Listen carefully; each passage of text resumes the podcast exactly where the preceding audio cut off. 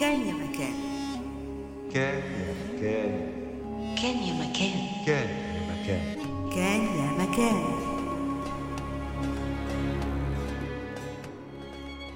أهلا ومرحبا بكم. أنا منى الشايب وهذه متوالية كان يا مكان. حكايتنا اليوم هي التنين ذو الرؤوس السبعة. قصة شعبية من التراث الإيطالي ترجمتها الدكتورة نجلاء والي.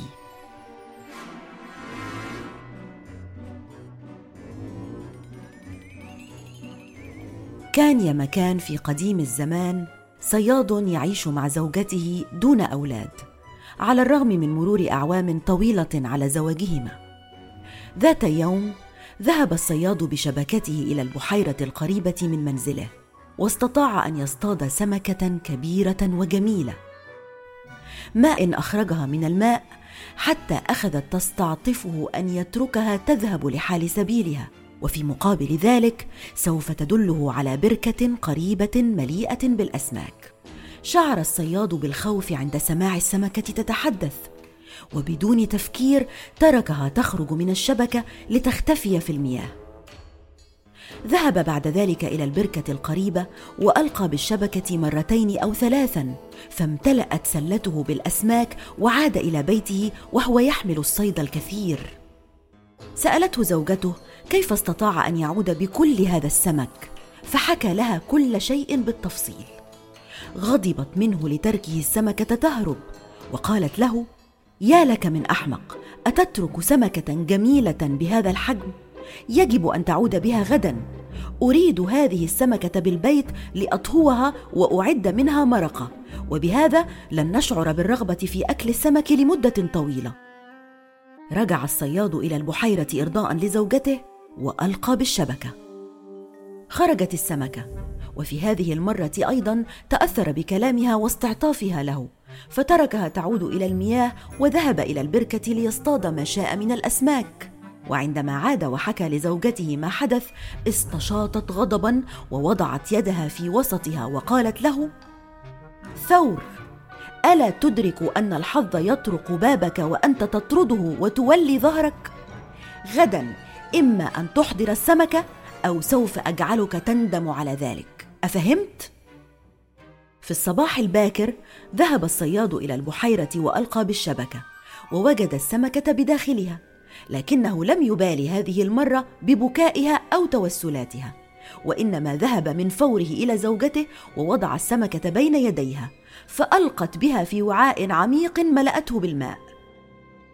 وبينما كان الصياد وزوجته ينظران إلى السمكة في المياه وإلى حجمها الكبير ويفكران في أفضل الطرق لطهيها أخرجت السمكة رأسها الصغير من حوض المياه وقالت لهما حسنا. بما أنه لا مفر من الموت. اسمحا لي أن أخبركما بوصيتي. وافق الصياد وزوجته على قولها وبدأت السمكة تتكلم. عندما أموت ويتم طهوي تأكل المرأة من لحمي.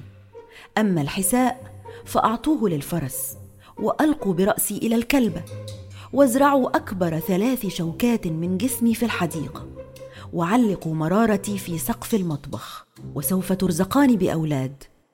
وإذا حدث مكروه لأي منهم فإن المرارة ستقطر دما. بعد طهي السمكه نفذ الزوجان وصيتها بالحرف.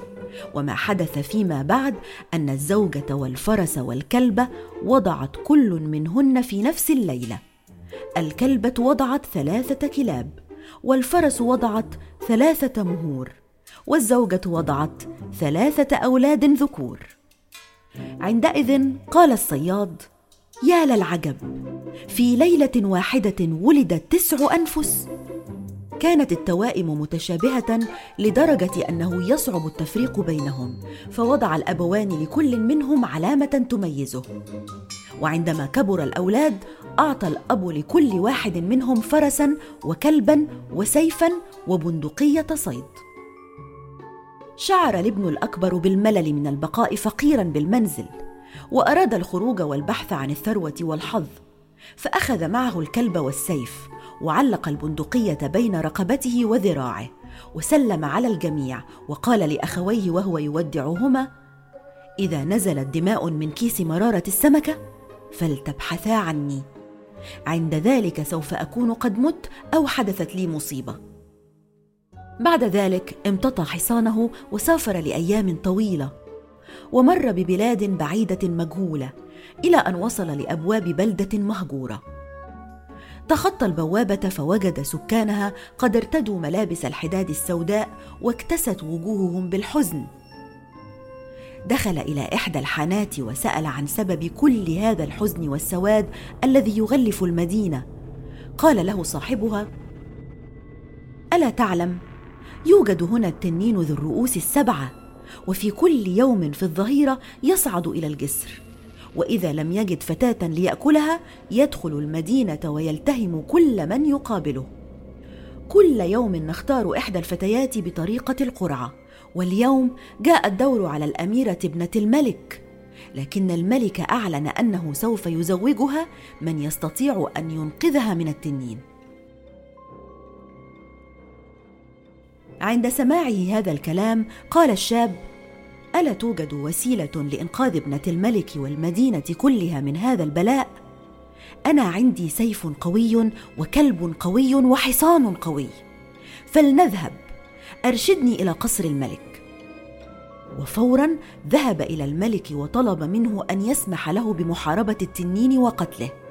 فقال له الملك أيها الشاب الشجاع يجب أن تعلم أن كثيرين حاولوا قبلك وباءت كل محاولاتهم بالفشل ودفع المساكين حياتهم ثمنا للمحاولة. لكن إذا أردت المغامرة ونجحت فسوف أعطيك ابنتي زوجة لك وملكي أيضا بعد وفاتي.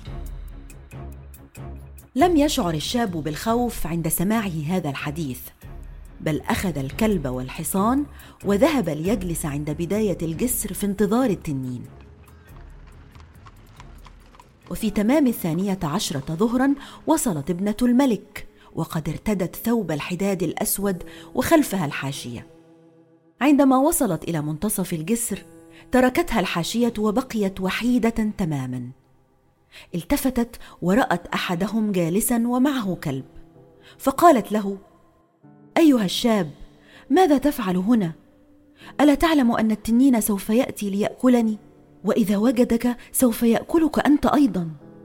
فأجابها أنا هنا لأنقذك وأتزوجك.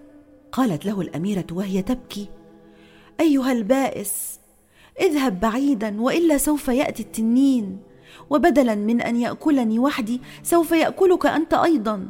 فهو تنين مسحور كيف يمكنك القضاء عليه؟ قال الشاب الذي أحب الأميرة عندما رآها الآن من أجل حبي لك سوف أخوض هذه المغامرة وليكن ما يكون. وما إن انتهيا من حديثهما حتى دقت ساعة القصر وبدأت الأرض تتراقص وانشقت وخرج منها التنين ذو الرؤوس السبعة بين النار والدخان. وبدون تردد هاجم بافواهه السبعة الأميرة ليأكلها وهو يصفر من السعادة. فقد وجد أنهم أحضروا له وجبة من اثنين ليأكلهما في يوم واحد. لم يضيع الشاب وقتا في التفكير. قفز بسرعة على حصانه وأطلق الحصان والكلب في مواجهة التنين وضرب بسيفه يمينا ويسارا حتى قطع ستة من رؤوسه.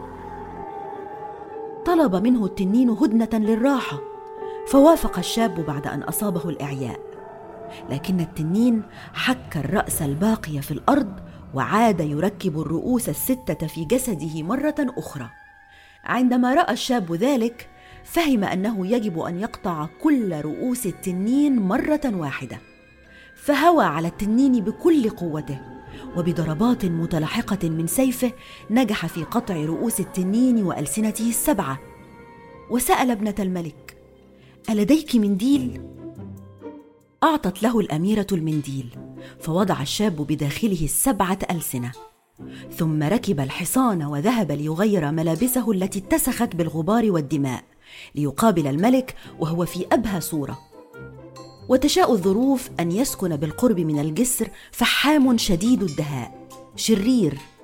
عندما شاهد المعركة من بعيد قال لنفسه حسنا. سوف أستغل هذا الشاب الساذج الذي ترك رؤوس التنين على الأرض وذهب يغير ملابسه لكي يظهر بصورة حسنة أمام الملك. ذهب الفحام وجمع رؤوس التنين وأخفاها داخل شوال. ومسح سكينا بدماء التنين وجرى إلى الملك وهو يقول يا جلالة الملك ها هو أمامكم قاتل التنين وهذه هي رؤوس التنين السبعة وهذا هو السكين الذي فصلت به الرؤوس عن الجسد واحدا تلو الآخر. اذا أيها الملك هل ستحفظ وعدك وتزوجني بابنتك الأميرة؟ عندما شاهد الملك بائع الفحم قبيح الشكل شعر بالضيق وقال لنفسه هناك شيء غير واضح في هذه القصة. اعتقد الملك أن الفتى الشجاع قد لقي حتفه والتهمه التنين ووصل هذا الشخص في آخر لحظة بعد أن أنهك التنين تماما فضربه الضربة القاضية. على أي حال كلمة الملك لا ترد. لذا أجابه الملك إذا كان الأمر جرى على هذا النحو فابنتي لك. في هذه اللحظة فور أن استمعت الأميرة إلى هذا الرد بدأت تصرخ قائلة بائع الفحم كاذب ولم يقتل التنين بل قتله شاب شجاع وهو في طريقه الآن إلى القصر. لكن الفحام أصر على موقفه وأظهر رؤوس التنين في الشوال كدليل على صدق كلامه. وعندما وجد الملك أن هناك دليلا على صدقه لم يجد مفرا من الوفاء بالوعد الذي قطعه. وأمر ابنته بأن ترضخ وتستعد للزواج من بائع الفحم. وأمر كذلك بإعلان النبأ للشعب وأن يتم تجهيز ثلاث ليال للاحتفال تعد فيها المادبه الضخمة على أن يتم الزفاف في اليوم الأخير. في ذلك الحين وصل القاتل الحقيقي للتنين إلى قصر الملك لكن الحراس منعوه من الدخول وفي اللحظة نفسها سمع الإعلان عن زواج الأميرة بالفحام. حاول الشاب أن يدخل بأي وسيلة وأراد التحدث مع الملك لكن الحراس لم يستمعوا إليه ولم يعيروه التفاتا. وبقوا جامدين كالحجارة حتى ظهر بائع الفحم وأمرهم بأن يطردوه فورا. ولم يبق للمسكين إلا العودة إلى النزل الذي يقيم فيه والتفكير في كيفية إظهار الحقيقة ومنع هذا الزفاف وكشف الخديعة وإظهار أنه القاتل الحقيقي للتنين. تم إعداد مادبه الزفاف ودعي إليها كل النبلاء. جلس بائع الفحم بجوار الأميرة وقد ارتدى بدلة من القطيفة. ولأنه كان قصير القامة فقد وضعوا تحته سبع وسادات حتى يبدو أكثر طولا. في النزل كان الشاب يقدح زناد فكره. فنادى الكلب الراقد عند قدميه وقال له اذهب إلى ابنة الملك وقدم لها تحياتك. هي فقط. ثم اسكب الحساء على الأرض قبل أن يبداوا في تناول الطعام واهرب بسرعة وحذار أن يلحقوا بك. كان الكلب يفهم كل ما يقوله صاحبه فذهب بسرعة وقفز إلى حجر الأميرة وأخذ يلعق يدها ووجهها. تعرفت الأميرة عليه وفرحت جدا برؤيته وهمست في أذنه تسأله عن صاحبه.